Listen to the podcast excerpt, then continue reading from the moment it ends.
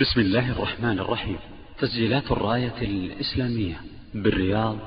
تقدم الهمة العالية ومن تكن العلياء همة نفسه فكل الذي يلقاه فيها محبب الهمة العالية طالب العلم يأمل أن يكون إماما للمتقين وقدوة للعاملين لا بد أن يحمل نفسه على العزيمة والهمة العالية الهمة العالية لا بد من إدامة النظر في سيرته عليه الصلاة والسلام أفضل الخلق أعلم الخلق بالله أشجع الناس أخشاهم وأتقاهم لله ومع ذلك يربط الحجر على بطنه وينام على حصير يؤثر في جسده هذا اللي يعرف قدر الدنيا الهمة العالية أيضا مما يعين على تقوية الهمة في نفس طالب العلم النظر في سير العلماء والعظماء الصالحين الإمام أحمد وهو يحفظ سبعمائة ألف حديث يصلي في اليوم والليلة ثلاثمائة ركعة الإمام الشافعي يقول الإمام الشافعي إذا هجع النوام أسبلت عبرتي وأنشدت بيتا وهو من ألطف الشعر أليس من الخسران أن ليالي تمر بلا علم وتحسب من عمر الإمام النووي لو اجتمعت جامعات الدنيا من أجل تأليف مثل المجموع ما استطاعوا فبهذا العمر القصير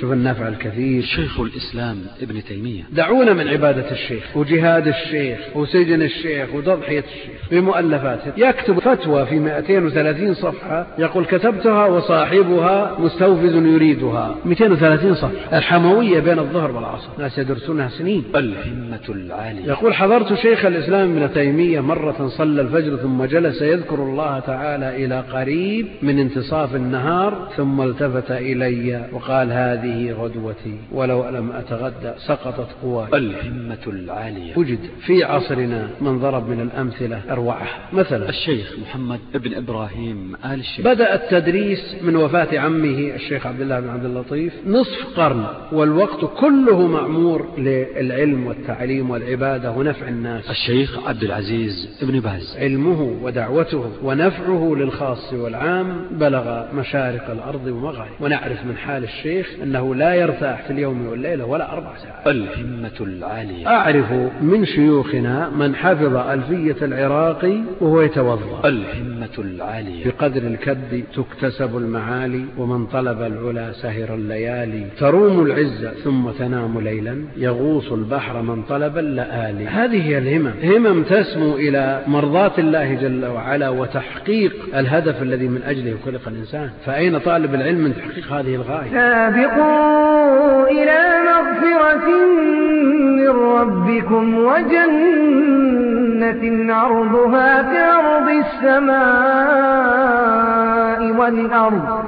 أعدت للذين آمنوا بالله ورسله ذلك فضل الله يؤتيه من يشاء والله ذو الفضل العظيم الهمة في طلب العلم محاضرة لفضيلة الشيخ الدكتور عبد الكريم ابن عبد الله الخضير والتي ألقيت بجامع عثمان بن عفان رضي الله تعالى عنه بحي الوادي بمدينة الرياض وذلك في الثاني عشر من شهر ربيع الأول لعام 1400 وستة وعشرين من الهجرة النبوية رسول الله وعلى آله وصحبه ومن والاه ومن اقتفى أثره واستنى بهداه أما بعد أيها الإخوة الكرام ها نحن وإياكم نصل إلى ختام هذا اليوم العلمي الثالث الذي أسأل الله عز وجل أن يجزي مشائخنا خير الجزاء وأن يكتب أجرهم وأن يرفع قدرهم وأن يصلح نياتنا ونياتهم وذرياتنا وذرياتهم وأن يعظم الأجر للجميع أيها الإخوة الكرام نختم بختام مسك فأسأل الله عز وجل أن يحسن خواتيمنا في الدنيا وفي الآخرة ختام هذا اليوم العلمي لقاء مع فضيلة شيخنا ووالدنا الشيخ الدكتور عبد الكريم بن عبد الله الخضير وفقه الله وسدده وأعظم له الأجر والثواب في الدنيا وفي الآخرة في موضوع نحن بحاجة ماسة إليه موضوع كتب بعض إخواننا لنا في أوراقهم في هذا اليوم ليته كان أول درس ولكن لظروف الشيخ أخرناه ولعله يرسخ في الأذهان أكثر وهو موضوع الهمة في الطلب الهمة في طلب العلم وكيف يرفع المؤمن والمسلم همته ويسخر وقته وفكره وجهده لكي ينفع أمته وقبل ذلك ينفع نفسه بتلقي هذا العلم الشرعي الذي هو من أجل العبادات التي يتقرب بها العبد إلى الله عز وجل فأسأل الله أن يجزي شيخنا خيرا وبعد السنة الراتبة بإذن الله تعالى يتفضل مشكورا مأجورا السلام عليكم ورحمة الله وبركاته الحمد لله رب العالمين وصلى الله وسلم وبارك على عبده ورسوله نبينا محمد وعلى آله وصحبه أجمعين أما بعد وبعد شكر الله جل وعلا على نعمه التي لا تعد ولا تحصى الشكر موصول للقائمين على هذه الدورات التي نسأل الله جل وعلا أن يثيبهم وأن لا يحرمهم أجرها وأجر من عمل بها فهم المفاتيح مفاتيح هذا الخير على أنهم لما كلموني في هذا الموضوع ليكون كالخاتمة لهذه الدورة اعتذرت اعتذرت عن قبول الدعوة لا زهدا في الأجر ولا رغبة عن نفع الإخوان لكن لمخالفة الخبر الخبر فالهمة وموضوعها يحتاج أن يتحدث به أو فيه من اتصف بها اعتذرت وما قبلوا وقلت بعد ذلك علي أن أجد في مقروآتي من الأمثلة ما يبعث على الهمة وإلا فالإخوة اغتروا وكيف يؤتى ببخيل يتحدث عن الكرم وبجبان يتحدث عن الشجاعة أقول الإخوان استسمنوا ذا ورم وقبلهم من الشباب لكن نعذرهم لصغر أسنانهم وقلة خبراتهم وتجاربهم من جاء يسألني هل صحيح أنك قرأت فتح الباري سبعين مرة قلت فتح الباري يحتاج لقراءته سبعين مرة إلى مئة وأربعين سنة لأن كل مرة تبي سنتين تحتاج إلى سنتين الإخوان يحسنون الظن وأرجو أن أكون عند ذلك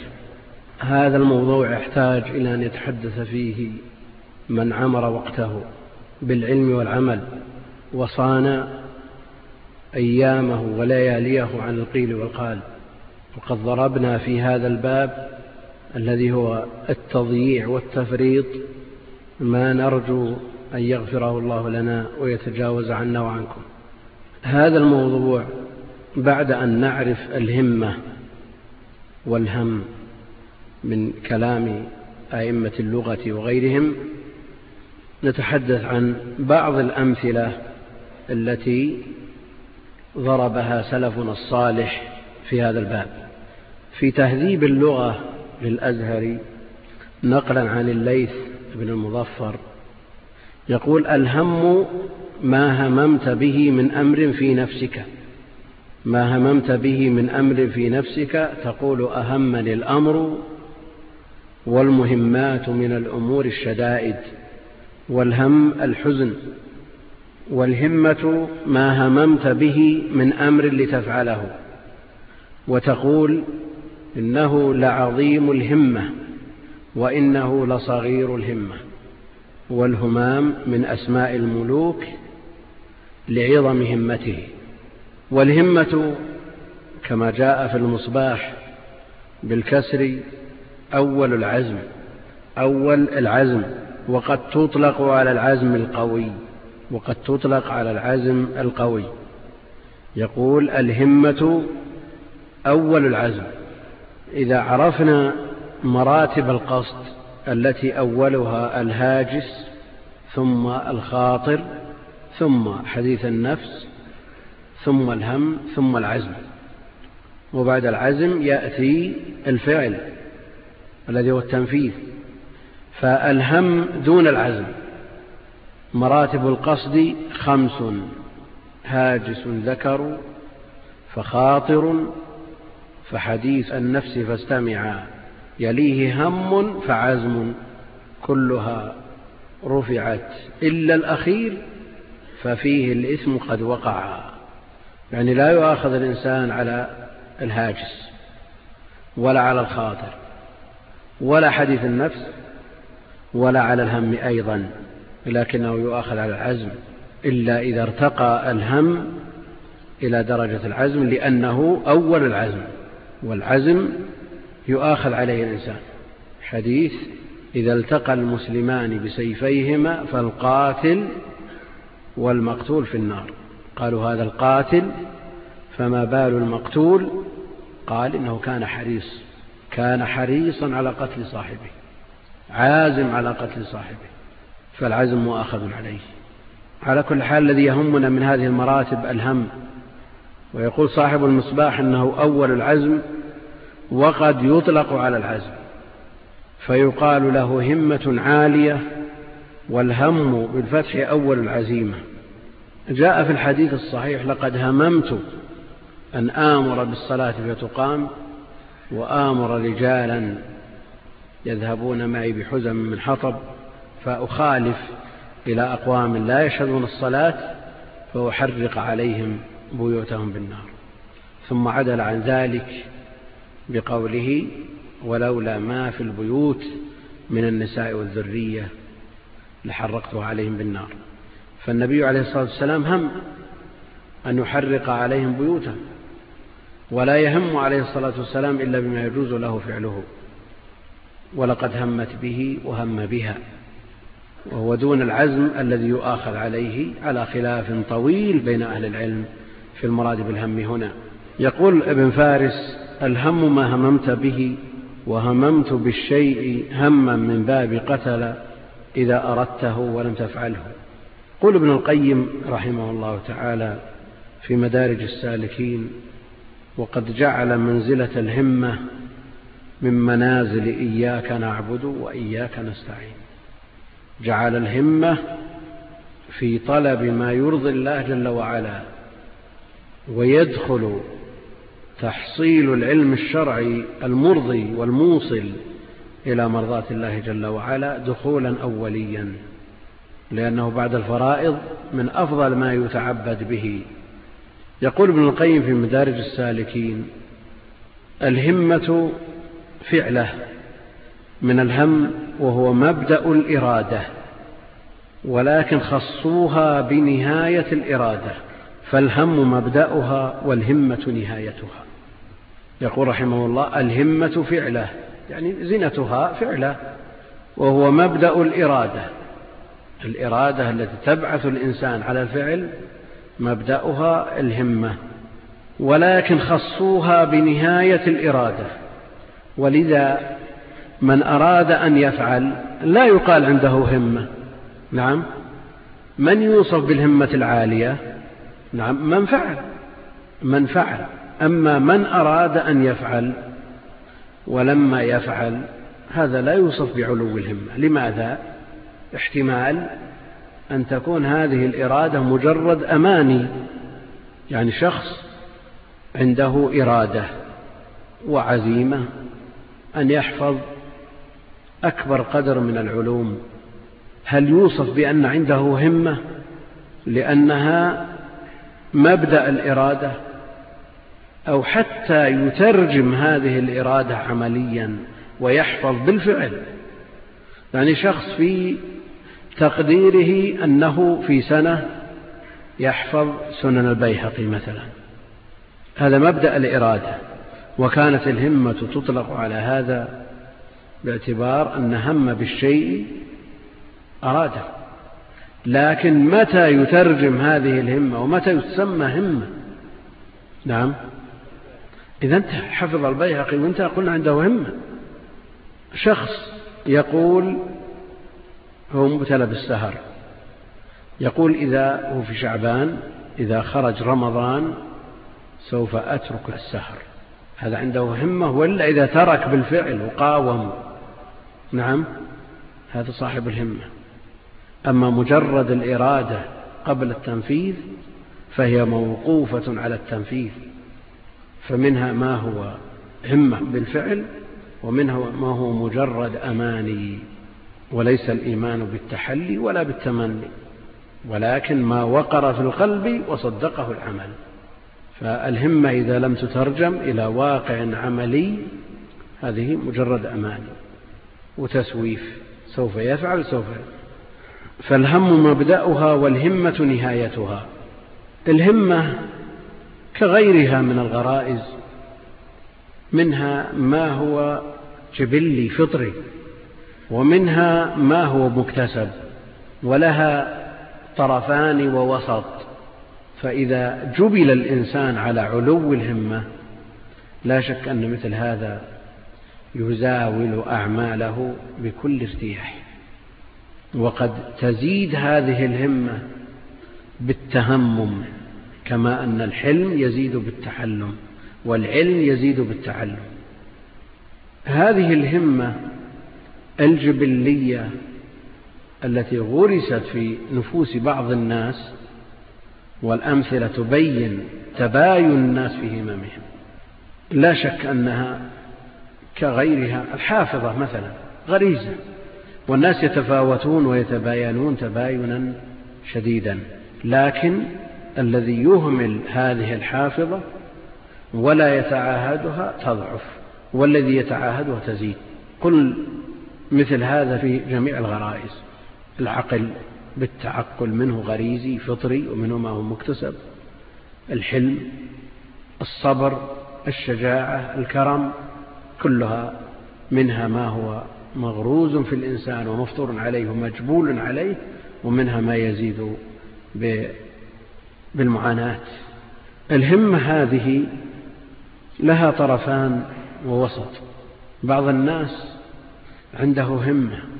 لكن هذه الهمة تتعدى ما حد له هذه مذمومة يعني إذا سمع من يطوف بالبيت ويقول رب هب لي ملكا لا ينبغي لأحد من بعدي نعم هذه همة لكنها همة مذمومة فكيف إذا كان القائل امرأة امرأة تطوف بالبيت وتقول هذا الكلام تبي ملك نعم لا ينبغي لأحد من بعدها هذه همة مذمومة نعم يهم الإنسان أو سميها أماني بأن يبلغ منازل لا يستطيعها أو ليست له إما شرعا أو قدرا شخص يربي نفسه على أن يصل إلى منازل الأنبياء مثلا كما يفعله أصحاب الرياضات من غلاة المتصوفة يصلون إلى مراتب من الولاية بحيث تكون فوق منازل الأنبياء والرسل هذه همة لكنها همة مذمومة هناك همم ضعيفة بإمكانه أن يكتسب من أمور الدين أو من أمور الدنيا ومع ذلك يخلد إلى الراحة فلا يتعاطى الأسباب لا في أمور الدين ولا في أمور الدنيا ويكون عالة يتكفف الناس هذا صغير النفس همه أن يأكل ويشرب ويقول هذا متيسر لو أجلس في المسجد تيسر الأكل والشرب أو أجلس في بيتي الجيران ما يقصرون نعم وفي هذا وفي مثله يقول القائل ومن تكن همته ما يولج في بطنه قيمته ما يخرجه هذه همة لكن همة ضعيفة فهل يليق بمسلم مثل هذا الأمر وقد تكاثرت النصوص وتضافرت على اكتساب ما ينفع من وجوهه فكيف بما جاء من نصوص الكتاب والسنه في طلب اشرف مطلوب واعظم مقصود وهو العلم بالله جل وعلا وبآياته وصفاته وأحكامه وشرائعه وما جاء عنه وعن نبيه عليه الصلاة والسلام يعني من تكن همته مدارسة الكتاب والسنة مسألة طرد وعكس قيمته إيش نعم هذه الهمة شرفها بشرف يكون مأخوذ من شرف ما يهتم به وهذا الأمر من أعظم ما يهتم به شرعا وعلى هذا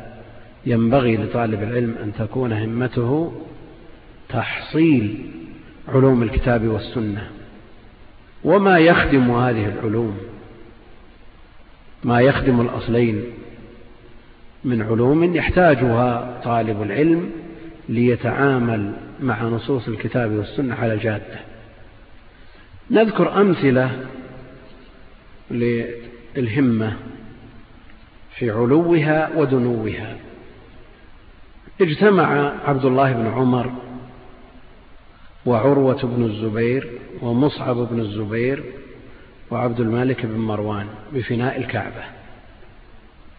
فقال لهم مصعب تمنوا تمنوا فقالوا ابدأ أنت فقال مصعب يتمنى ولاية العراق وأن يتزوج سكينة بنت الحسين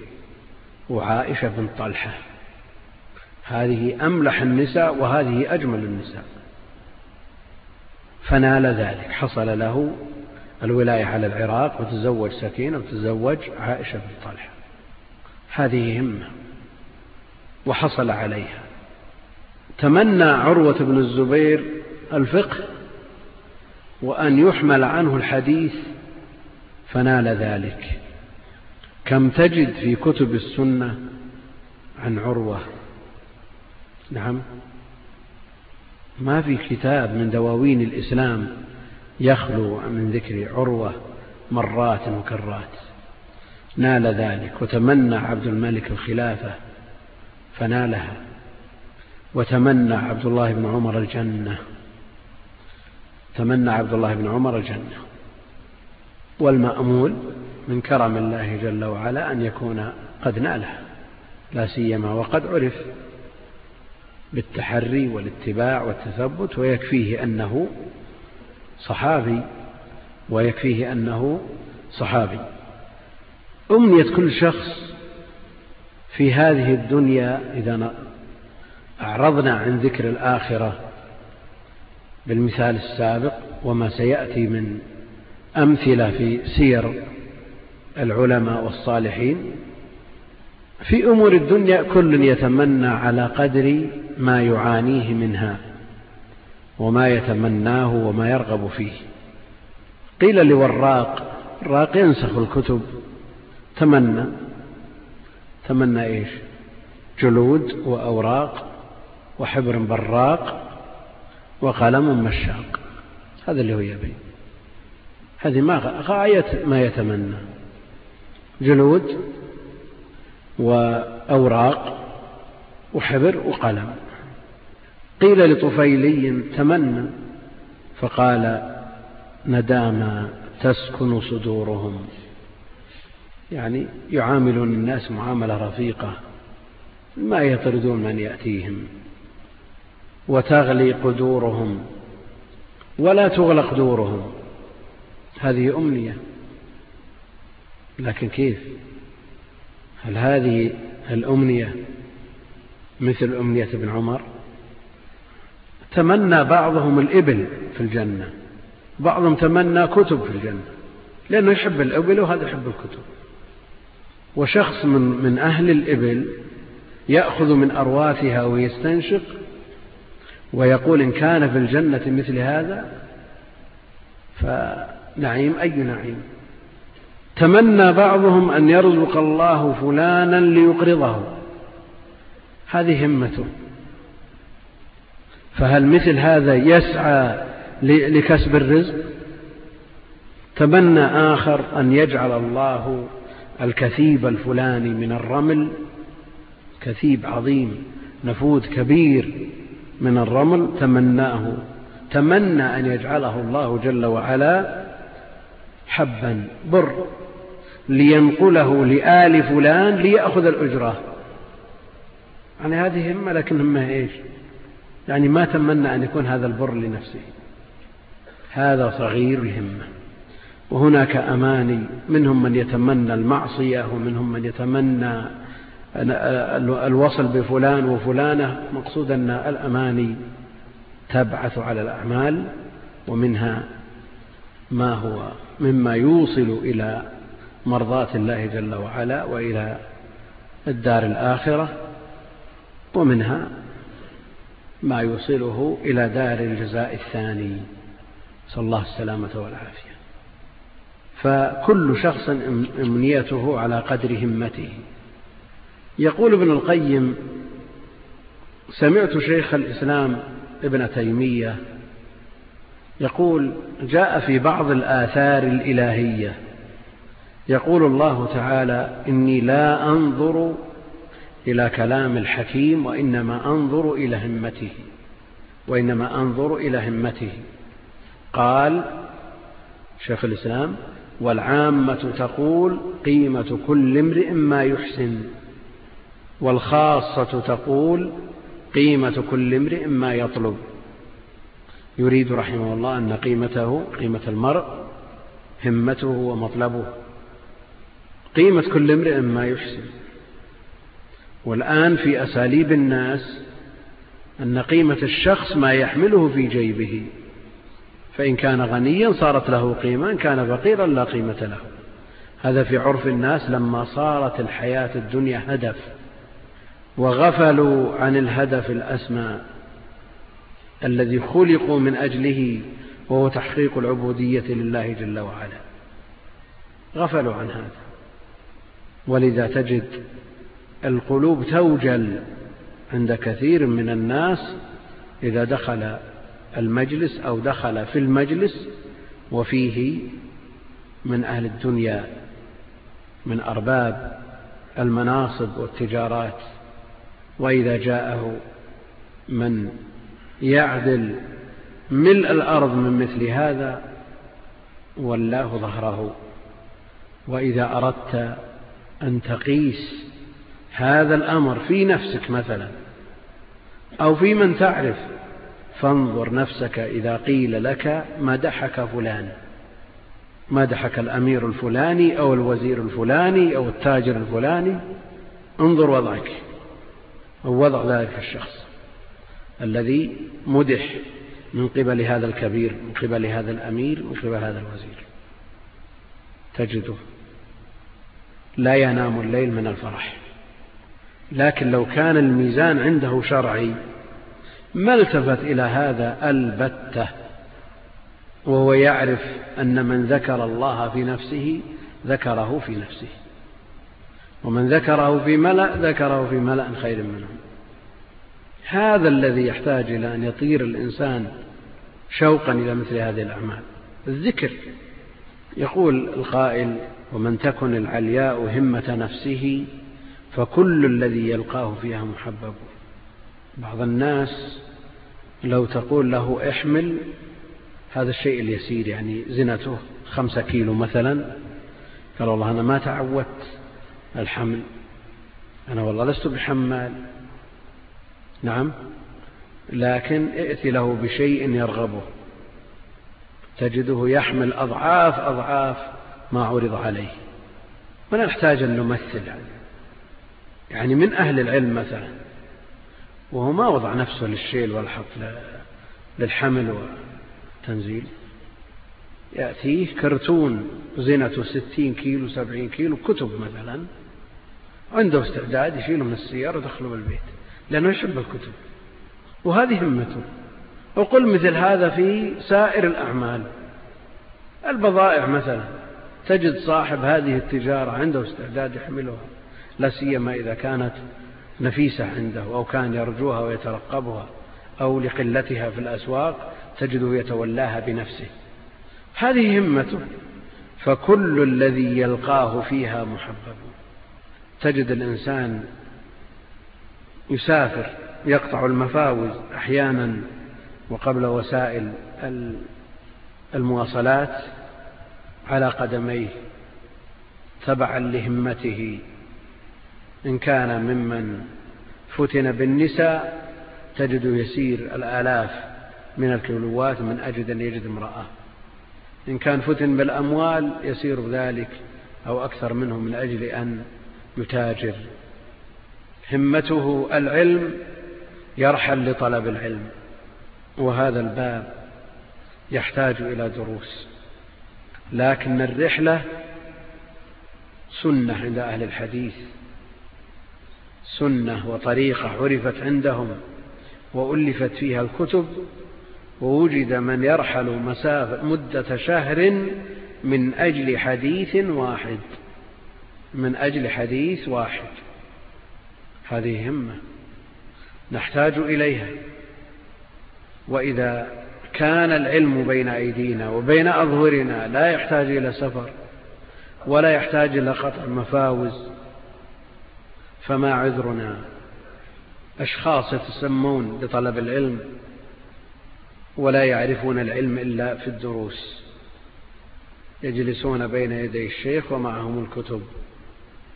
وإذا خرجوا من عند الشيخ آخر علمهم بالكتاب خروجهم من المسجد إلى أن يحضر الدرس الثاني وبعضهم مع الأسف يجعل الكتاب في المسجد يصعب عليه حتى حمل الكتاب مثل هذا قل أن يفلح العلم يحتاج إلى مدارسة يحتاج إلى أن تسهر الليل وعرف عن كثير من المتقدمين تقسيم الليل إلى ثلاثة أجزاء ثلث للنوم وثلث للمطالعة والكتابة وثلث للصلاة ولا بد من الاستعانة بالصبر والصلاة لأن بعض الطلاب تجده حريص على طلب العلم ومن درس إلى درس ومن حلقة إلى حلقة ومع ذلك يشق عليه أن يصوم يوم في سبيل الله أو يصلي ركعتين مثل هذا لا يعان على طلب العلم خير ما يعين على طلب العلم العمل بالعلم ولذا تجدون الجبال الكبار من أئمة الحفظ والفهم لو نظرت إلى مدة طلبهم للعلم بالنسبة لما عرف عنهم من عمل وجدت أن العمل أكثر يعني الإمام أحمد وهو يحفظ سبعمائة ألف حديث كيف تدرك سبعمائة ألف حديث يعني يحتاج إلى أن يحفظ كم في اليوم الواحد نعم هل نقول أن الإمام أحمد عطل الواجبات ترك النوافل والمندوبات أبدا الإمام أحمد يصلي في اليوم والليلة ثلاثمائة ركعة ويقول القائل ممن لا يحتمل عقله مثل هذا الكلام هذا غير معقول هذا غير معقول ثلاثمائة ركعة تحتاج إلى إيش تحتاج كل ركعة إلى دقيقة مثلا يعني ركعة أقل ما يجزئ تحتاج إلى دقيقة وثلاثمائة دقيقة يعني خمس ساعات خمس ساعات متى يطلب العلم متى يتعلم متى يعلم متى ينام متى لكن لتعلم أن الإمام أحمد لا ما عنده استراحة نعم وليس عنده أناس يؤنسونه ويضيعون عليه الأوقات كما يفعله كثير من الناس اليوم وليس عنده على ما قال بعضهم صالون في بيته يحتاج إلى ثلاث ساعات في اليوم ينظر في المرآة وهذه شعرة زايدة وهذه شعرة ناقصة الإمام أحمد ما عنده شيء من هذا فإذا صرف خمس ساعات للصلاة وقل مثلها للعلم بقي عنده أربع عشرة ساعة والواحد منا إذا حضر درس أو ألقى درس يحتاج إلى راحة كأنه ألقى صخرة من فوق رأسه يحتاج بقية اليوم كله يرتاح وينفس عن نفسه ويروح فمثل هذا يحتاج إلى يحتاج الإنسان في مثل هذه الظروف إلى إعادة نظر النبي عليه الصلاة والسلام كان يتخولهم بالموعظة في الحديث الصحيح نقيل لابن مسعود ألا تحدثنا كل يوم قال إني أتخولكم كما كان رسول الله صلى الله عليه وسلم يتخولنا بالموعظة نعم عوام الناس الذين ما أشربت قلوبهم حب العلم مثل هؤلاء لا يضيق عليهم ولا يكرر عليهم الكلام لأن هؤلاء يملون فمثل هؤلاء يتخولون أما بالنسبة لطالب العلم يأمل أن يكون إماما للمتقين وقدوة للعاملين مثل هذا لا بد أن يحمل نفسه على العزيمة والهمة العالية لأنه يحتاج مدة يسيرة إلى جهاد ومعاناة ثم بعد ذلك لا يلبث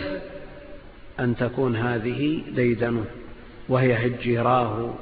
بحيث لا يستطيع أن يفارق هذا البرنامج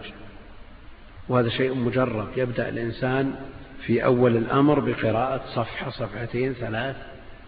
ربع ساعة نصف ساعة في اليوم الثاني ساعة في اليوم الثالث إلى أن يضيق ذرعا بوقت الطعام يضيق ذرعا بوقت الطعام ما يجد وقت للطعام حتى أنه وجد من أهل العلم من يجعل القارئ يقرأ عليه وهو في مكان قضاء الحاجة لئلا يضيع الوقت وأعرف من شيوخنا من حفظ ألفية العراقي وهو يتوضأ يعني أحد يصب عليه الماء يتوضأ والثاني يقرأ عليه بس وقت الوضوء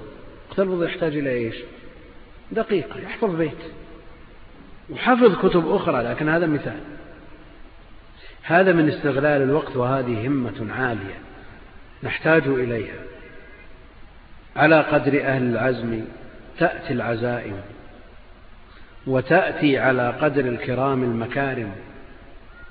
على قدر أهل العزم تأتي العزائم العزائم جمع عزيمة والآن يلتبس العزيمة المأخوذة من العزم بالولائم وأحيانا يستدل بعض الناس أو يورد هذا البيت إذا كانت الوليمة كبيرة يقول على قدر أهل العزم تأتي العزائم هذا قلب للحقائق على قدر أهل العزم تأتي العزائم وتأتي على قدر الكرام المكارم نعم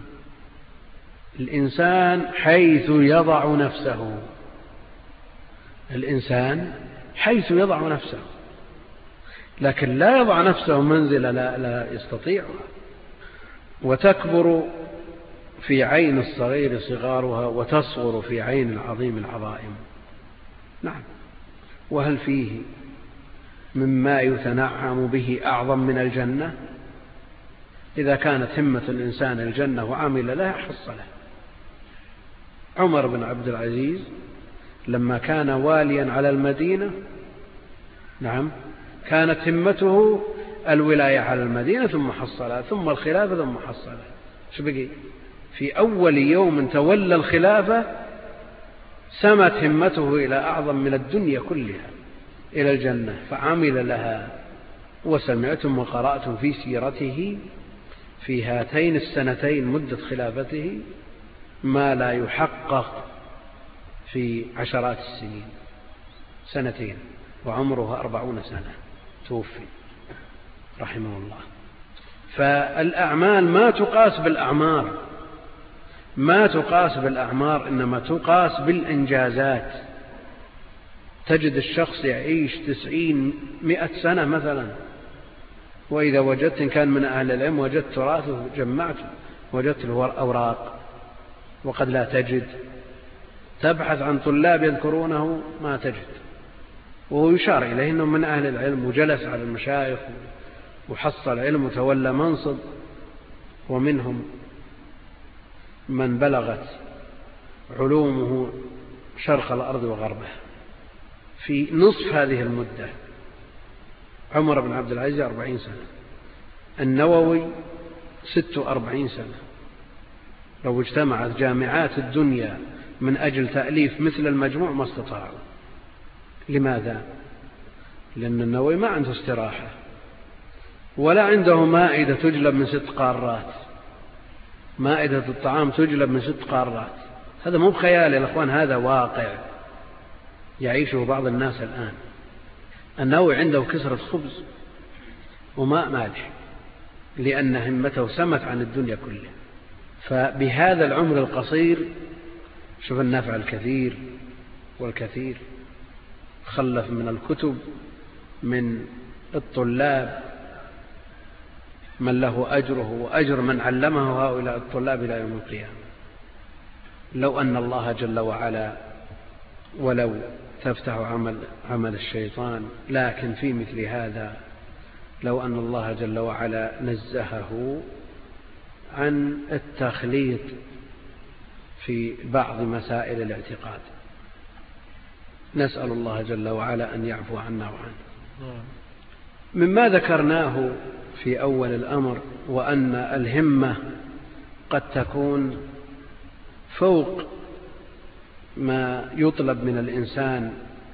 أو ما يتصور ويتوقع منه تمنى بعض النساء الجهاد في سبيل الله فأنزل الله جل وعلا ولا تتمنوا ما فضل الله به بعضكم على بعض كل إنسان يتمنى ويهم بما يليق به الشوكاني رحمه الله له كتاب اسمه أدب الطلب فيه توجيهات لطالب العلم يقول فيه ينبغي لمن كان صادق الرغبة قوي الفهم ثاقب النظر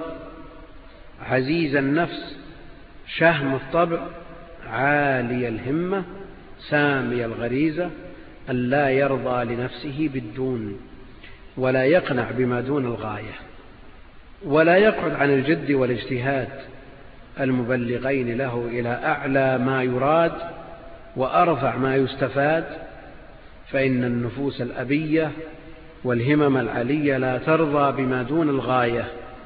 في المطالب الدنيوية في المطالب الدنيوية تجد الناس يغامر بعض الناس يغامر بحيث لو أخفق في هذا المشروع الذي غامر فيه صار مدينا إلى إلى أن يموت ومع ذلك يغامر رجاء إيش المكاسب الطائلة يقول والهمم العلية لا ترضى بما دون الغاية في المطالب الدنيوية من جاه أو مال أو رئاسة أو صناعة أو حرفة أو غير ذلك يعني إذا كان هذا في أمور الدنيا فكيف بأمور الآخرة التي الدنيا بحذافيرها لا تزن عند الله جناح بعوضة يعني إذا نسبنا الدنيا كلها بجميع ما حصل فيها من نعيم من أول مخلوق إلى قيام الساعة ماذا تزن عند الله جل وعلا جناح بعوضة لا تزن عند الله جناح بعوضة من يعرف قدر هذه الدنيا يعرفها مثل سعيد بن المسيب عنده بنت علمها وأدبها حتى صارت محدثة فقيهة هذه يربيها سعيد لمن للخليفة أو لابن الخليفة خطبها ابن الخليفة فجاءه السفير بينهما الواسطة فقال يا سعيد جاءتك الدنيا بحذافيرها قال كيف قال فلان يريد البنت قال يا فلان إذا كانت الدنيا لا تزن عند الله جناح بعوضة فماذا يقص لي من هذا الجناح صحيح ويزوجها طالب فقير لا يملك شيئا هذه هي الهمم همم تسمو إلى مرضاة الله جل وعلا وتحقيق الهدف الذي من أجله خلق الإنسان الإنسان خلق لغاية ولهدف ما خلقت الجن والإنس إلا ليعبدون فأين طالب العلم من تحقيق هذه الغاية يقول إذا إذا غامرت بشرف مروم فلا تقنع بما دون النجوم فطعم الموت في أمر حقير كطعم الموت في أمر عظيم الموت هو هو ما يتغير خلاص طعمه واحد فطعمه في تحصيل درهم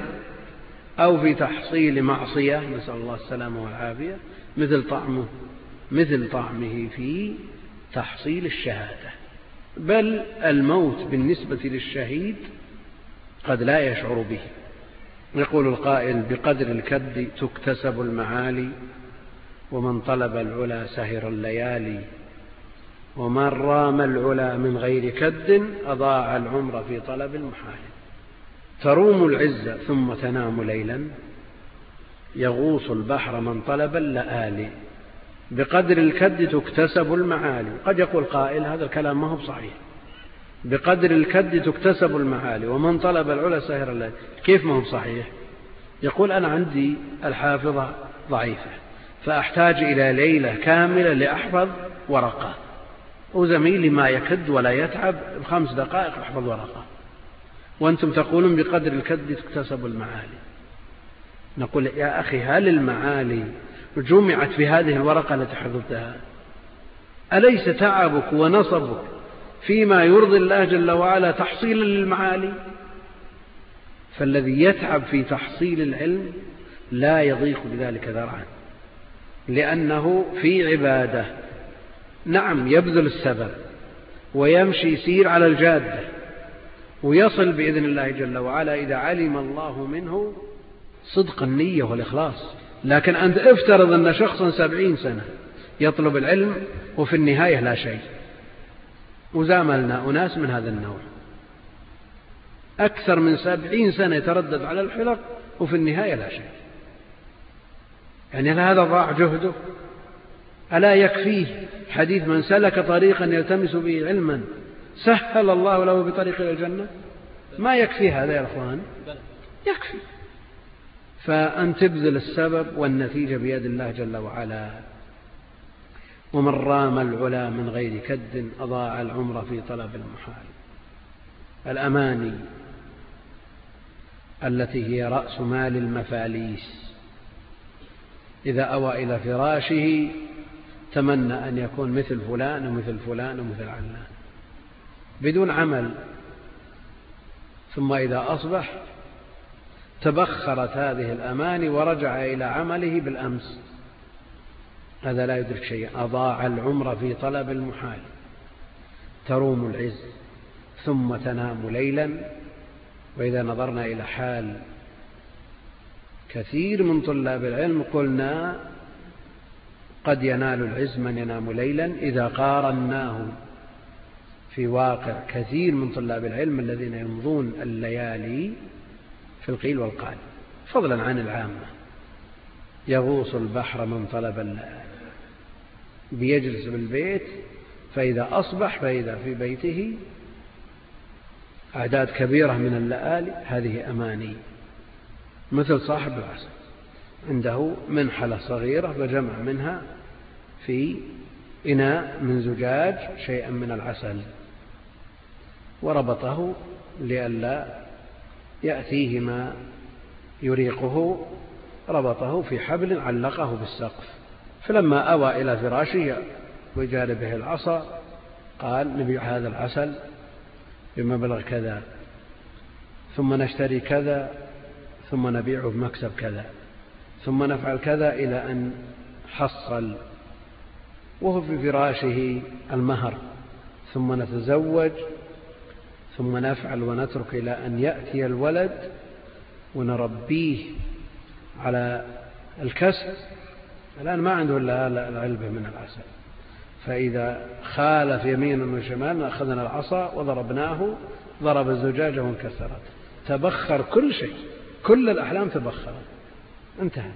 تروم العزة ثم تنام ليلا يغوص البحر من طلب اللآل كثير من طلاب العلم يقول الوقت ما فيه بركة السلف نعم هم في وقت مبارك وحصلوا ما حصلوا لبركة الوقت احنا ما عندنا بركة كيف تتصور البركة في وقتك وأنت إذا جئت من عملك أو من دراستك وقد ذهب سنام الوقت صليت العصر الآن الوقت يستوعب طعام الغداء ثم صليت العصر ماذا تترقب بعد الصلاة تترقب شخصا من زملائك يقف بسيارته عند الباب يقول والله عندنا مشوار بنروح لفلان أو علان ولا تصل إلى المشوار إلا مع أذان المغرب ثم بعد ذلك قيل وقال وتنصرف بعد ذلك بعد هزيع من الليل مثل هذا يدرك علم في بركة وقته إذا صلى الفجر ذهب إلى فراشه لينام لأنه سهران بالليل حتى يأتي وقت الدوام أو وقت الدراسة لكن في مثل هذه الأيام والأيام القادمة صل الفجر واجلس في مصلاك اذكر الله حتى تنتشر الشمس وخل معك كتاب واقرأ إلى الساعة سبع أو أكثر تشوف البركة في الوقت وفي يوم الخميس والجمعة اقرأ إلى التاسعة أو العاشرة تشوف البركة في الوقت وأما في الشتاء جرب الليل إذا صليت العشاء اجلس خمس ساعات يكفيك عن, عن, عن شهر مما يصنعه ويفعله كثير من طلاب العلم في هذه الأوقات قد يقول قائل نحتاج إلى ما يبعثنا على الزيادة من الهمة العالية يلاحظ على كثير من طلاب العلم استرخاء نقول من عرف الهدف هان عليه كل شيء وبذل كل ما يملك من جهد ومال ووقت لأنك عرفت الهدف وش تطلب أنت تسهر ليلة من أجل أن تحصل على عشرة ريالات مثلا في هذه الأوقات تقول والله ما لازم نسهر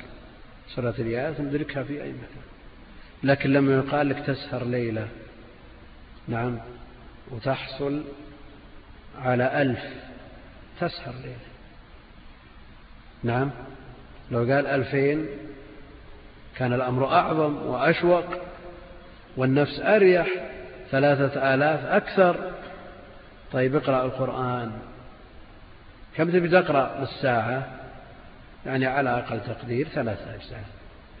ساعتين ستة أجزاء في الليلة ستة أجزاء كم فيها من حسنة الجزء الواحد فيه مئة ألف حسنة مئة ألف حسنة الذي قال لك مئة ألف هللة في شرق الأرض وغربها ما ذهبت لكن احرص على ما ينفعك فإذا عرفت نفاسة ما تطلب هان عليك في تحقيقه وسبيلك كل ما تبذل أيضا النظر مما يعينك على علو الهمة أن تنظر إلى الأعلى ما تنظر إلى الأدنى أنت في قاعة الدرس نعم اختبرت وأخذت في النتيجة سبعين يعني هل الأفضل لك أن تقول والله زميلي فلان أخذ ستين أنا أفضل ولا زميلي فلان أخذ تسعين بد أن أخذ تسعين امتياز بل أضاعف الجهد لأخذ الدرجة كاملة فمثل هذا يبعثك على علو الهمة فكيف والمقابل لا تقوم له موازين الدنيا فإذا نظرت إلى الأعلى ازددت وهان عليك كل شيء بخلاف ما إذا نظرت إلى الأدنى كثير من الناس إذا ذكر له وضع الناس اليوم وضع كثير من المسلمين من عوامهم وخواصهم انهم أقل مما كانوا عليه قبل عشر أو عشرين سنة كثير من الناس يقول الحمد لله يا أخي انظر إلى البلدان المجاورة احنا على خير هذا نظر إلى الأعلى أو الأدنى نظر إلى الأدنى لكن لما يعين في وظيفة ويصرف له ثلاثة آلاف ريال شهريا ما يقول الحمد لله والله فلان آه، آه، متوظف قبلي أو عنده أسرة أكثر من أسرتي راتبه ألف أو ألفين لا يقول زميلي فلان خمسة آلاف وش اللي ينقص أنا هل أنا أقل منه كفاءة فهو ينظر في أمور الدنيا إلى الأعلى وفي أمور الآخرة إلى الأدنى مثل الطالب جاء متأخر نصف ساعة عن الدرس قال المدرس لماذا تأخرت قال احمد ربك أني جيت بعد هذا هذا يمكن هذا عنده همته هذا ما عنده همة فالإنسان يحتاج في مثل هذه الأمور أمور الآخرة يحتاج إلى أن ينظر إلى الأعلى ليزداد ويترقى ويصعد في الكمالات أما في أمور الدنيا والدنيا يعني جاء التوجيه بأن لا ينسى الإنسان نصيبه من الدنيا لكن ما هي بهدف بقدر البلغة ينظر إلى الأدنى وجاء في الحديث الصحيح المتفق عليه من حديث أبي هريرة إذا نظر أحدكم إلى من فضل عليه في المال والخلق فلينظر إلى من هو أسفل منه نعم يعني في أمور الدنيا تنظر إلى من هو أسفل منك وجاء في الحديث التعليل فهو أجدر ألا يزدري نعمة الله عليه بخلاف أمور الدين أمور الدين ما تنظر إلى فلان تقول والله أنا أفضل من فلان هذا يبعثك على إيش على العجب المؤدي إلى ترك العمل والعجب آفة في طريق العلم والعمل من أعظم العوائق دون تحصيل العلم والعمل العجب بالنفس وازدراء الآخرين لأنك يعني إذا نظرت إلى من هو دونك في أمور الدين تقول الله أنا الحمد لله أنا اصلي فلان أكثر الأوقات تصليها في بيته وفلان تفوت بعض الركعات أنا ما يفوتني شيء والله الحمد لله أبتر وأقرأ القرآن لكن يا انظر إلى سيرة السلف الصالح كيف يقضون أوقاته انظر من الأمثلة الواقعية التي تعيشها الآن من أهل العلم والفضل والعباد والزهاد والدعاة تجد من الأمثلة ما يحدوك على العمل توطين النفس على الشدائد على شدائد تحصيل العلم لتعلم أن هذا العلم مما حفت به الجنة الجنة حفت بما تهواه النفوس أو ما تكرهه النفوس نعم حفت الجنة بالمكاره تبي الجنة أقدم على هذه المكاره والعلم ليس بالأمر السهل ولا يمكن أن يستطاع أو ينال براحة الجسم لا يمكن أن ينال العلم براحة الجسم وإلا كان لو كان يباع ويشترى صاروا الناس كلهم علماء تجار كلهم علماء ولو كان يستطاع مع الراحة والنوم كل الناس علماء لكن مع ما جاء في فضل العلم ورفع منازل أهل العلم في الدنيا والآخرة العلماء عددهم يسير قليل بالنسبة لنا ما الذي عاق أولئك عن تحصيل العلم ليحصلوا هذه المنازل وهذه الدرجات العالية في الدنيا والآخرة الذي عاقهم الشدائد والعقبات التي تعوق دون التحصيل فلا بد من توطين النفس على هذه الشدائد أيضا مما يعين على تقوية الهمة في نفس طالب العلم النظر في سير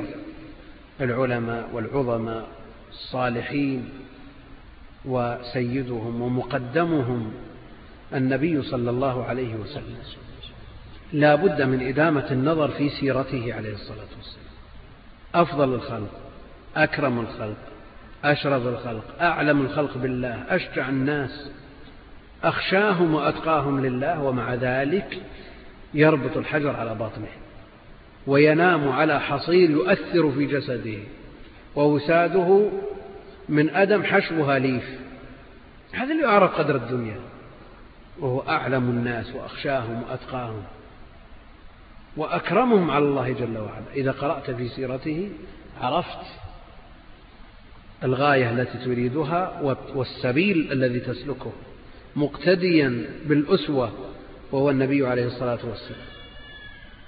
يعني لما يقال فلان يصلي كذا أو يصوم كذا قد يقول قائل والله هذا شق على نفسه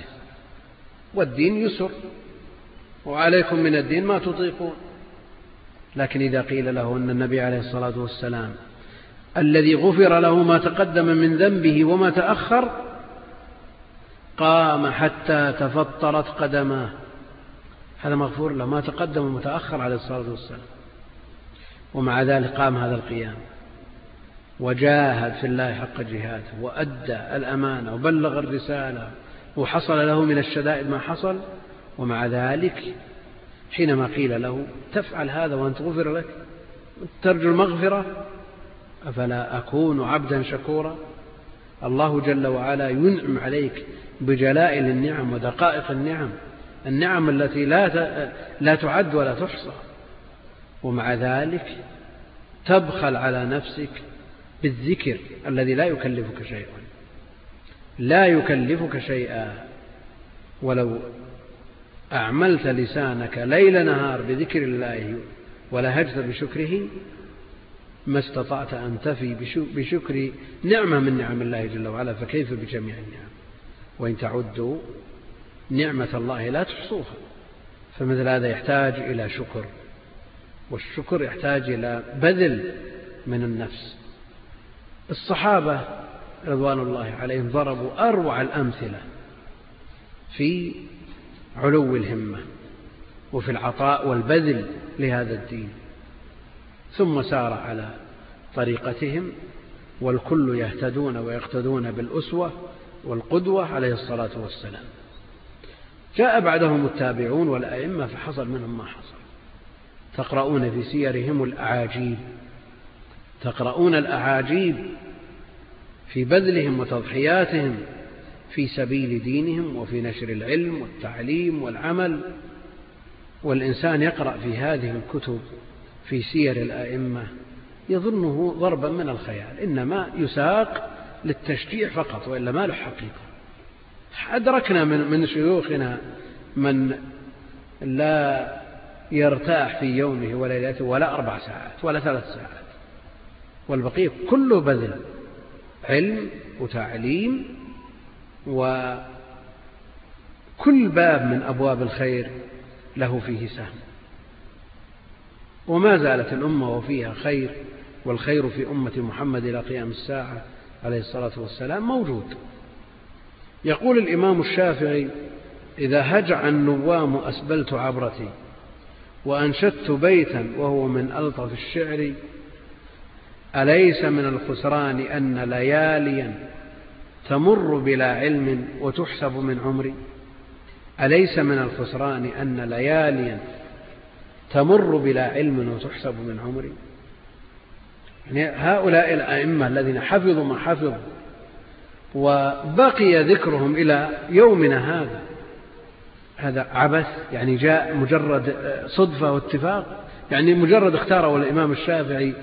قدوة يقتدون به ويعملون بعلمه هذا عبث أو لأنه قدم ما يستحق به أن يذكر إلى قيام الساعة ويدعى له ويترحم عليه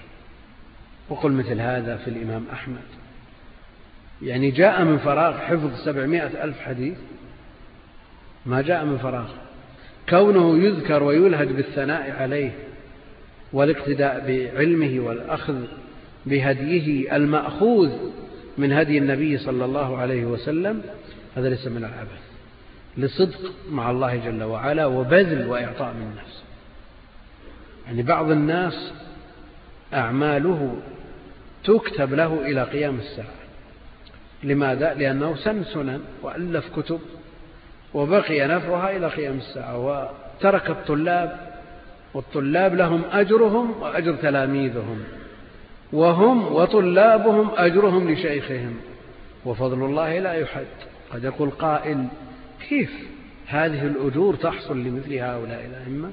فضل الله واسع وجاء في الحديث في كلام لأهل العلم إن الله لا يضاعف لبعض عباده الحسنة إلى ألفي ألف حسنة فإذا كان هذا الإمام قدوة ألف الكتب وبقيت إلى قيام الساعة وفي كل مجلس وفي كل درس وفي كل بلد من تأليف الكتاب إلى ما الله به عليم يقال قال رحمه الله تعالى إضافة إلى أن مجرد صلاح الإنسان بنفسه يضمن له الخير الكثير مجرد صلاح الإنسان بنفسه يضمن له دعوات المسلمين كلهم كل مصلي يقول السلام علينا وعلى عباد الله الصالحين الصالحين ممن تقدم ومن سيأتي من موجود من من السابق واللاحق فعلى الإنسان أن يسعى في تحقيق هذا الوصف وهو الصلاح ليدخل في دعوة المسلمين ثم بعد ذلك يسعى أن يستمر عمله إلى ما لا نهاية إلى قيام الساعة يقول أبو الوفاء بن عقيل وهو من أئمة الحنابلة يقول إني لا يحل لي أن أضيع ساعة من عمري أنت ما تملك نفسك نفسك ما هي ملك لك يعني هل يجوز أن تقطع أصبعك وتتبرع ولا أحد يجوز لا تملك من نفسك شيء ويقول إني لا يحل لي أن أضيع ساعة من عمري حتى إذا تعطل لساني عن مذاكرة ومناظرة وبصري عن مطالعة أعملت فكري في حال راحتي وأنا مستطرح مستلقي فلا أنهض إلا وقد خطر لي ما أسطره هذه الهمة أنتجت إيش الفنون كم مجلد الفنون ثمانمائة مجلد يعني ما من فراغ شيخ الإسلام رحمه الله تعالى أبو العباس بن تيمية مضرب مثل في هذا يعني عمر شيخ الإسلام كم إذا قلت أربعين وثمان وعشرين ثمان وستين سنة إذا قست عمر شيخ الإسلام بمؤلفاته فقط دعونا من عبادة الشيخ وجهاد الشيخ وسجن الشيخ وتضحية الشيخ بمؤلفاته تجد الشيء الكثير الذي لا يتصوره من يقيس بالأرقام يكتب الكتاب في جلسة فتوى في 230 صفحة يقول كتبتها وصاحبها مستوفز يريدها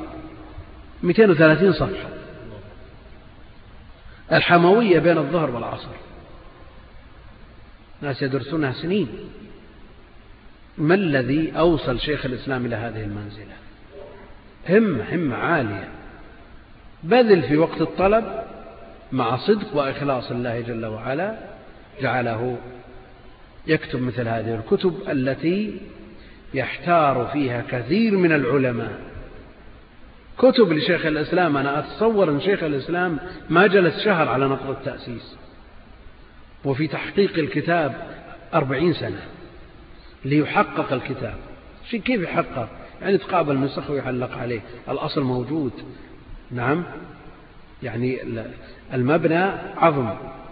يحتاج إلى تليس ويحتاج إلى تركيب بس تحقيقه يحتاج إلى أربعين سنة كيف أربعين سنة حققه ثمانية وكل واحد خمس سنوات وكذلك التأسيس أصبح نقضه أعجوبة للعالم الرباني هذا جاء من فراغ كتاب العقل والنقل درء تعارض العقل والنقل هذا الكتاب عندنا أناس أئمة في باب في باب الاعتقاد يطون مئات الصفحات من غير نظر ما تفهم واقرأ كتاب العقل والنقل الذي ما في الوجود له نظير ثاني قرأنا كتب شيخ الإسلام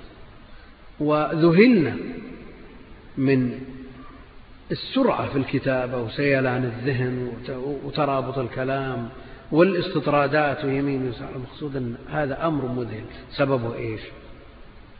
الإخلاص والهمة العالية تقرأ مثلا في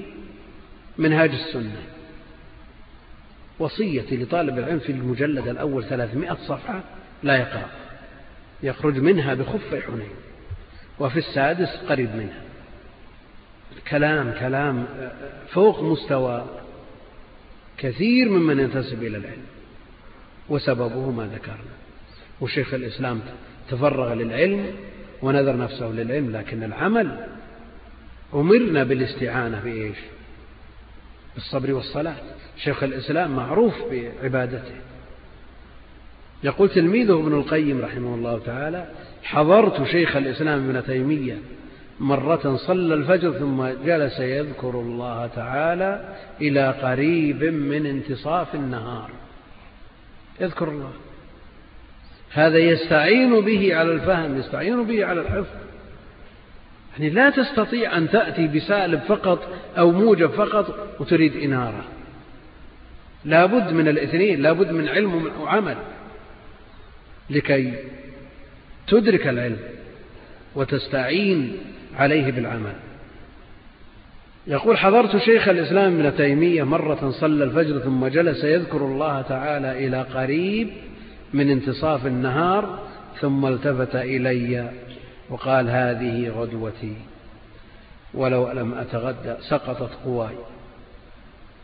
وقال لي مرة لا أترك الذكر إلا بنية الاستجمام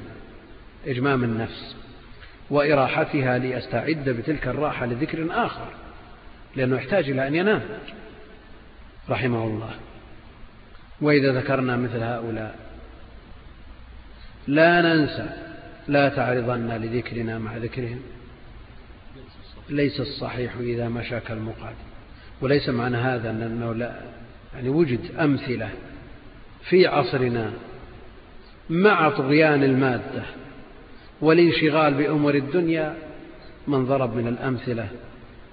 أروعها مثلا من العصر القريب شيخ شيوخنا الشيخ عمر بن سليم رحمه الله عرف بالعلم والعمل يجلس من صلاة الفجر إلى أذان الظهر يعني قبل هذا خلنا نشوف الطيبي مثلا شرف الدين الطيبي إمام من أئمة المسلمين ذكر الشوكاني في ترجمته من البدر الطالع أنه كان يجلس بعد صلاة الفجر إلى أذان الظهر جلسة واحدة هذا ايش يسوي يفسر القرآن وبعد أن يسلم من صلاة الظهر إلى أذان العصر يقرأ البخاري والعصر كذلك والمغرب كذلك قام على هذا مدة طويلة ثم بعد ذلك يجلس ينتظر الصلاة يذكر الله جل وعلا يتأهب للصلاة وتقبض روحه وينتظر الصلاة الشيخ عمر بن محمد بن سليم رحمه الله تعالى متوفى سنة اثنتين وستين ثلاثمائة وألف شيخ شيوخنا قريب ما هو بعيد الوقت كله من صلاة الفجر إلى بعد صلاة العشاء كله للعلم يتخلل العلم يأتي في الشهر مرة مثلا خصوم لأنه قاضي فيقضي بينهم بكلمة أو كلمتين وينصرف الراضي واجتمع عنده من الطلبة الجم الغفير ونفع الله بهم وكثير من قضاة المملكة في شمالها وجنوبها وشرقها من طلاب الشيخ أو من طلاب طلابه هذا بذل الشيخ محمد بن إبراهيم رحمه الله تعالى بدأ التدريس من وفاة عمه الشيخ عبد الله بن عبد اللطيف سنة تسع وثلاثين وثلاثمائة وألف إلى سنة تسع وثمانين إلى وفاته نصف قرن والوقت كله معمور للعلم والتعليم والعبادة ونفع الناس الشيخ عبد الله القرعاوي رحمة الله عليه مثال للداعية المصلح ذهب إلى جنوب المملكة في ذلك الوقت فيها ما فيها من جهل وأسس هناك مئات المدارس وما زال طلاب وطلاب طلابه إلى الآن وهم منارات في تلك البلاد نفع الله بهم نفعا عظيما من قرأ سيرة هذا الرجل عرف أنه بالإمكان مع النية الصالحة والبذل وترك الترفه والتنعم لأن الدنيا والآخرة ضرتان مثل كفتي الميزان إذا رجعت هذه ارتفعت تلك عرف أنه بالإمكان أن يبذل الإنسان لا سيما مع صدق النية وصدق التوجه إلى الله جل وعلا ما لا يخطر على باله وأما الشيخ ابن باز فكلكم أدركتموه علمه ودعوته ونفعه للخاص والعام بلغ مشارق الأرض ومغاربها ونعرف من حال الشيخ أنه لا يرتاح في اليوم والليلة ولا أربع ساعات والوقت كله للعلم والعمل ونفع الناس والشفاعات وقضاء حوائج الناس والمصالح العامة التي أنيطت به الشيخ ابن عثيمين رحمه الله تعالى سمعتم وقرأتم الشيء الكثير عن شيوخنا الشيخ ابن عثيمين كذلك يعني هل أن الشيخ رحمة الله عليه أو الشيخ ابن باز أو غيرهم ممن ذكرنا من هؤلاء أنهم أكمل أهل عصرهم في التركيب نعم نعم قد يوجد في عصرهم من هو أقوى في البدن وأذكى نعم وأكثر فهم لكن ما الذي جعل هذا يتخلف وهذا يتقدم العلم والتعليم والبذل والإخلاص يقول الليث بن سعد تذاكر الزهري ليلة بعد العشاء حديثا وهو جالس متوضئ فما زال ذلك مجلسه حتى أصبح وهذا كثير الشيخ عمر بن سليم رحمه الله قالوا في ليلة زواج من زواجاته أشكل عليه معنى آية فنزل إلى المكتبة إلى أذان الصبح من تفسير إلى تفسير والوقت يمشي قال فضيل بن غزوان كنا نجلس أنا ومغيرة نتذاكر الفقه فربما لم نقم حتى نسمع النداء لصلاة الفجر على كل حال الأمثلة كثيرة وهي مدونة ولو راجع طالب العلم ينبغي مع علوم الكتاب والسنة أن يقرأ ديما النظر في سيرة النبي عليه الصلاة والسلام وحياة صحابته رضوان الله عليهم وسير الأئمة يعني سير أعلام النبل النبلاء من ألذ الكتب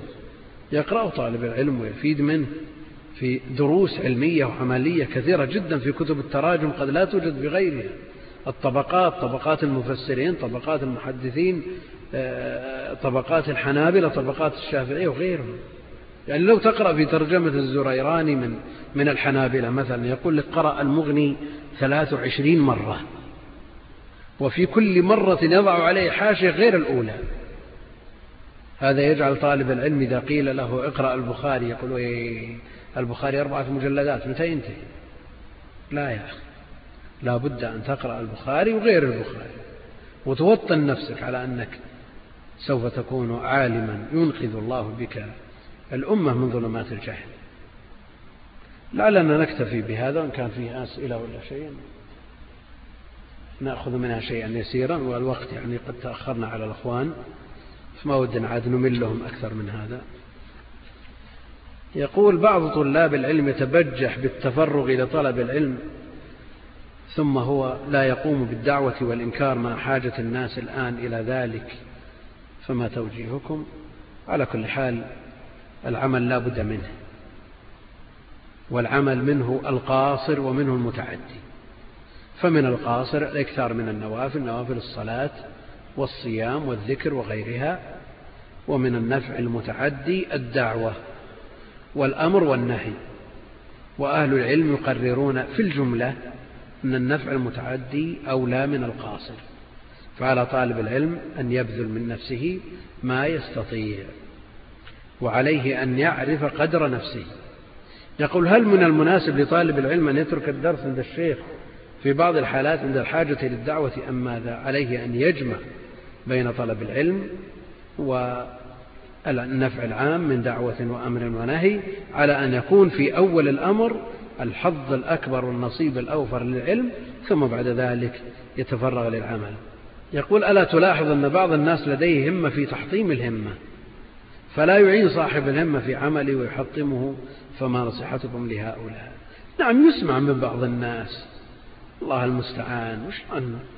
الدنيا تغيرت والأوقات نزعت البركة منها والآن وش تبي تسوي بينها أمورها الدنيا دي أنت عندك سيارة وعندك جوال وعندك بيت وعندك أسرة وعندك تكاليف وعندك أجور وعندك فواتير شو تبي تطلب العلم نعم ومع ذلك تطلب العلم بكل ارتياح ويسر لك من الأسباب ما لم يتيسر لمن سمعنا أخبارهم يقول ما رأيكم في من ينتقص ابن حجر والنووي ويقول إنهم من أهل البدع فلا فلا نقرأ في كتب نقرأ في كتبهم ومع ذلك لا يسلمون من شوف بدعة لكن مع ذلك النفع كبير في كتبهم وأثر هذه البدع في كتبهم مغمور بالنسبة لما اشتملت عليه من علم ونفع من يستغني عن فتح الباري أو شرح مسلم أو المهذب أو غيره ومع ذلك لو تولاها أهل العلم بالتعليق عليها وبيان هذه الأخطاء كما فعل شيخنا في أوائل فتح الباري يقول هناك هجمة شرسة على الشيخ الألباني نرجو تبين رأيك فيه ومؤلفاته الشيخ الألباني رحمة الله عليه يعد من المجددين لعلم الحديث يعد من المجددين في علم الحديث فإذا نظرنا إلى أعماله رحمة الله عليه ومؤلفاته ودعوته إلى التمسك بالسنة وإحياء السنة على مقدار نصف قرن أو أكثر من الزمان نجزم يقينا بأنه من المجددين وإذا نظرنا هذا من الناحية من حيث آه، الرواية وأما من حيث الدراية فالتجديد فيها لشيخنا الشيخ عبد العزيز بن باز رحمه الله ومؤلفات الشيخ الألباني رحمة الله لا يستغني عنها طالب علم يقول الإنسان إذا كان ذا همة في أمر معين مثل طلب العلم هل يحجم عما لم تكن له فيه همة مثل الدعوة إلى الله إذا لم تكن هذا تقدم وأنه لا بد أن يجمع بين هذا على أن يكون النصيب الأكبر في أول الأمر للعلم والتعلم ثم بعد ذلك النفع يقول سمعنا أن لكم تحقيقا لفتح الباري وكتب مخطوطة متى آه، نرى شيئا من إنتاجكم على كل حال لنا تعليق قديم على فتح الباري منذ أكثر من ربع قرن لكنه يحتاج إلى إعادة نظر يقول أنا شخص لدي همة لا بأس بها ولكن لم أتمكن من تنظيم وقتي فكلما نظمته أصاب بالتفكير في أمور والهم من بعض الأشياء ما يجعلني في بعض الأحيان لا أنام إلا الفجر على كل حال عليك أن تنظم والترتيب أمر لا بد منه والتخبط هذا مضيعة للوقت دون جدوى فمثل ما عندك جدول في الجامعة ضع عندك جدول في البيت وإذا استشرت عليهم عليه من أهل الخبرة والمعرفة من يعينك على ذلك فهو طيب يقول أنا طالب في كلية الشريعة وأريد أن تبين لي كتب أستفيد منها فائدة عظيمة لأقراها لتزيد من همتي في طلب العلم وحضور الدروس مثل ما ذكرت أعظم ما سير هؤلاء الأئمة أصحاب الهمم العالية إذا قرأتها وتصورت الهدف الذي من أجله تطلب العلم هان عليك كل شيء يقول أنا سوف أتخذ حرفة أرتزق منها في الأيام المقبلة بإذن الله وأريد أن أكون عالما من علماء الأمة فهل بإمكاني الجمع بينهما أم يشترط لذلك التفرغ للعلم كثير من علماء الإسلام لهم تجارات ولهم مصادر يتعيشون ويتقوتون منها لكن النصيب الأكبر للعلم وعليك بالإخلاص يقول همتي لا بأس بها والله الحمد والمنة لكن تضعف جدا في عدم الترتيب وتقديم الأولويات والتشتت مثل هذا ذكرنا أنه لا بد من جدول ولا بد من ترتيب للأوقات وترتيب للكتب التي تقرأ وكيف تقرأ وهذه شرحت في مناسبات كثيرة وفي أشرطة متعددة يقول مشكلتي هي كثرة النوم صحيح أني أعمل وأدرس أو أدرس بجدية ولكن يذهب علي الساعات الطوال في النوم وقد جاهدت نفسي لأكثر من سنة ولكن بدون جدوى فبماذا تنصحوني لا شك أن النوم كثرة النوم مرض يحتاج إلى علاج فتراجع فيه الأطباء يقول أعاني من كثرة الهواجس والخواطر والانشغال الذهني بأمور الدنيا فهل هناك وسيلة تصفية الذهن وجعل الهواجس والخواطر أشياء مفيدة كمراجعة مسألة وتدبر آية أو حديث على كل حال نفسك إن لم تشغلها بالخير شغلتك بالشر وإن لم تشغلها بالحق شغلتك بالباطل فاقطع عليك هذه الهواجس وهذه الخواطر بالذكر والقراءة بالتدبر وشغل الوقت ومغالبة الشيطان في هذا لأن الشيطان يريد أن يصدك بالأعمال الصالحة يقول لدى بعض طلبة العلم همة عالية لكنهم يسيرون في طلبهم بغير خطة واضحة فنجدهم يترددون بين العلوم تارة يدارسون الفقه تارة الحديث وأخرى لغيرهما ثم لا هم يحسنون هذا ولا ذاك فبما تنصح مثل ما ذكرنا أنه لابد من الترتيب للأوقات والكتب والأولويات وكيف كيف تقرأ وأنت ممن يتشتت ذهنه إذا قرأ أكثر من علم في آن واحد أو أنت ممن يمل إذا حصر ذهنه في علم واحد خذ ما يناسبك إما كثرة الكتب أو الانحصار على كتاب واحد نقول كيف أضبط برنامجي لطلب العلم علما أن الدوام الرسمي في العمل لدي يبدأ من السابعة إلى الثالثة تقريبا على كل حال من عرف الهدف هان عليه كل شيء فأنت تأخذ من وقتك وتقتطع منه ما يكفيك لطلب العلم ومن شيوخنا الآن الموجودين من يداوم الدوام من الثامنة إلى الثانية والنصف ومع ذلك عنده أكثر من درس في اليوم ويقرأ القرآن في ثلاث ويصلي على الجنائز ويزور المقابر والمستشفيات ويصل الأرحام ويضربون في كل باب من أبواب الإسلام بسهم فالمسألة مسألة عود نفسك يقول أنا شاب أسأل الله أن يوفقني لطلب العلم وأنا منذ فترة أطلب العلم وأحفظ المتون فأشعر أنني أصلحت نفسي وسلكت طريق الصواب المشكلة أنني بين فترة وفترة أقع في معاصي أظنها من الكبائر فتفسد علي حفظي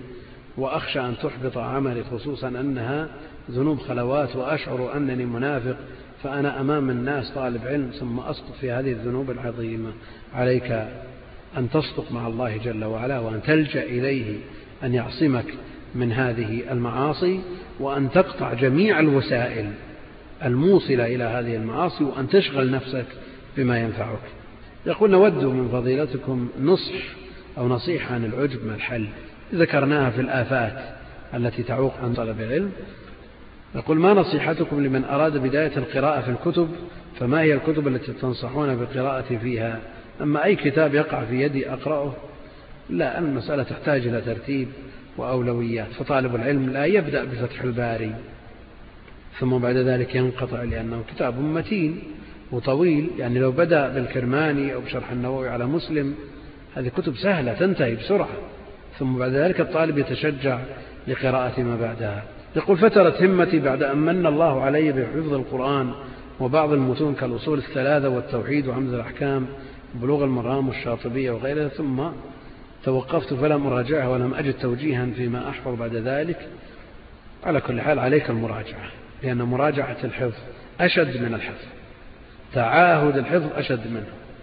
وجاء الأمر بتعاهد القرآن وجاء أيضا الترهيب من حفظ القرآن ونسيانه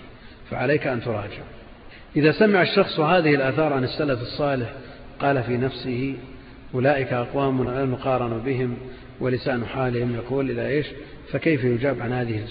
نقول هم رجال في هذا الباب لا تطاول عليهم وتقول تخالفهم في الأقوال وأنت ما زلت نعم في الآراء وتقول هم رجال رجال كما قيل لا عليك أن تتعواضع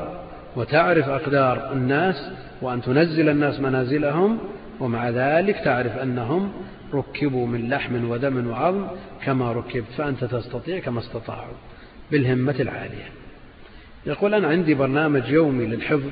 وقراءة الكتب الفقهية وحضور الدروس ولكني أجد نفسي أحب الاطلاع على الأمور السياسية وقراءة الكتب في ذلك والروايات والمذكرات آه، هل في ذلك معارضة ودنو همة في أخذ على كل حال الاستجمام بمثل هذه الأمور يعني بقراءة كتب التواريخ والأدب والاطلاع على بعض الأخبار لا بأس لكن أن يصرف الوقت كله لهذه الأمور لا لأن بعض الناس عنده استعداد يقرأ عشر صحف في اليوم منذ أن ينتهي من الدوام أو من الدراسة إلى قدوم النوم وهو من صحيفة من جريدة إلى مجلة من قناة إلى غيرها هذا أضاع نفسه والصنعاني لما قرأ النخبة ونظمها في يوم واحد في مئتي بيت صور نفسك مثل الصنعاني ما جاب محال 24 ساعة لي. نعم طلعتها يوما من الأيام فاشتقت أن أودعها نظامي فتم من بكرة ذاك اليوم إلى المساء عند قدوم النوم بعض الناس من المساء إلى إلى قدوم النوم وهو في هذه الجرائد والمجلات والصحف والقنوات نسأل الله العافية يقول ما رأيكم في من يأخذ العلم عن طريق الأشرطة والاكتفاء بها دون حضور الدروس لا شك أن الأصل حضور الدروس والاهتداء والاقتداء بسمت العلماء قد يكون أنفع لطالب العلم من مجرد سماع كلامهم من مجرد سماع كلامهم ومع ذلك الذي لا يستطيع الحضور ويأخذ من الأشرطة ويفرغ على المتون يحفظ المتون يفرغ عليها الأشرطة ويتابع الدروس هذا لا بأس أنه لا شك أنه خير عظيم يقول كيف يتم الجمع بين الارتباط مع أصحاب أخيار وبين حفظ الوقت نعم مع أصحاب أخيار جادين لأن يعني بعض الأخيار مع الأسف الهزل عليهم غالب مثل هؤلاء يضيعون عليه الوقت يقول أشكو من زوجتي مع أنها صالحة والحمد لله إلا أنها لا تعينني على طلب العلم وتتضجر من كثرة التردد إلى الدروس واشتغالي بالقراءة فكيف أتعامل معها وكيف أقنعها بأهمية ما أنا فيه على كل حال زوجتك لها حقها لها وقتها ولها قسمها ولها عليك من الحق ما أوجبه الشرع فلا يجوز لك أن تقصر في حقها وما عدا ذلك فأنت صاحب الشأن عليك أن تصرف بقية الوقت فيما ينفعك وإذا حاولت وجاهدت أن تكون عونا لك على طلب العلم بأن تدعوها إلى طلب العلم ببيان فضل العلم ومنازل العلماء يمكن أن تكون خير عون لك وأعرف شخص من الأخوان من طلاب العلم تزوج امرأة وهي أيضا عندها مبادئ تحصيل درست في المدارس النظامية فضجرت منه وأخذت تكرر عليه يعني علم علم كل الوقت ثم يقول مع الوقت أدعوها وأترفق بها إلى أن ضجرت منها والله المستعان وصلى الله وسلم وبارك على عبده ورسوله نبينا محمد وعلى آله وصحبه أجمعين جزا الله فضيلة الشيخ خير الجزاء وجعلنا الله وإياكم ممن يستمعون القول فيتبعون أحسنه وتقبلوا تحيات إخوانكم في تسجيلات الراية الإسلامية بالرياض والسلام عليكم ورحمة الله وبركاته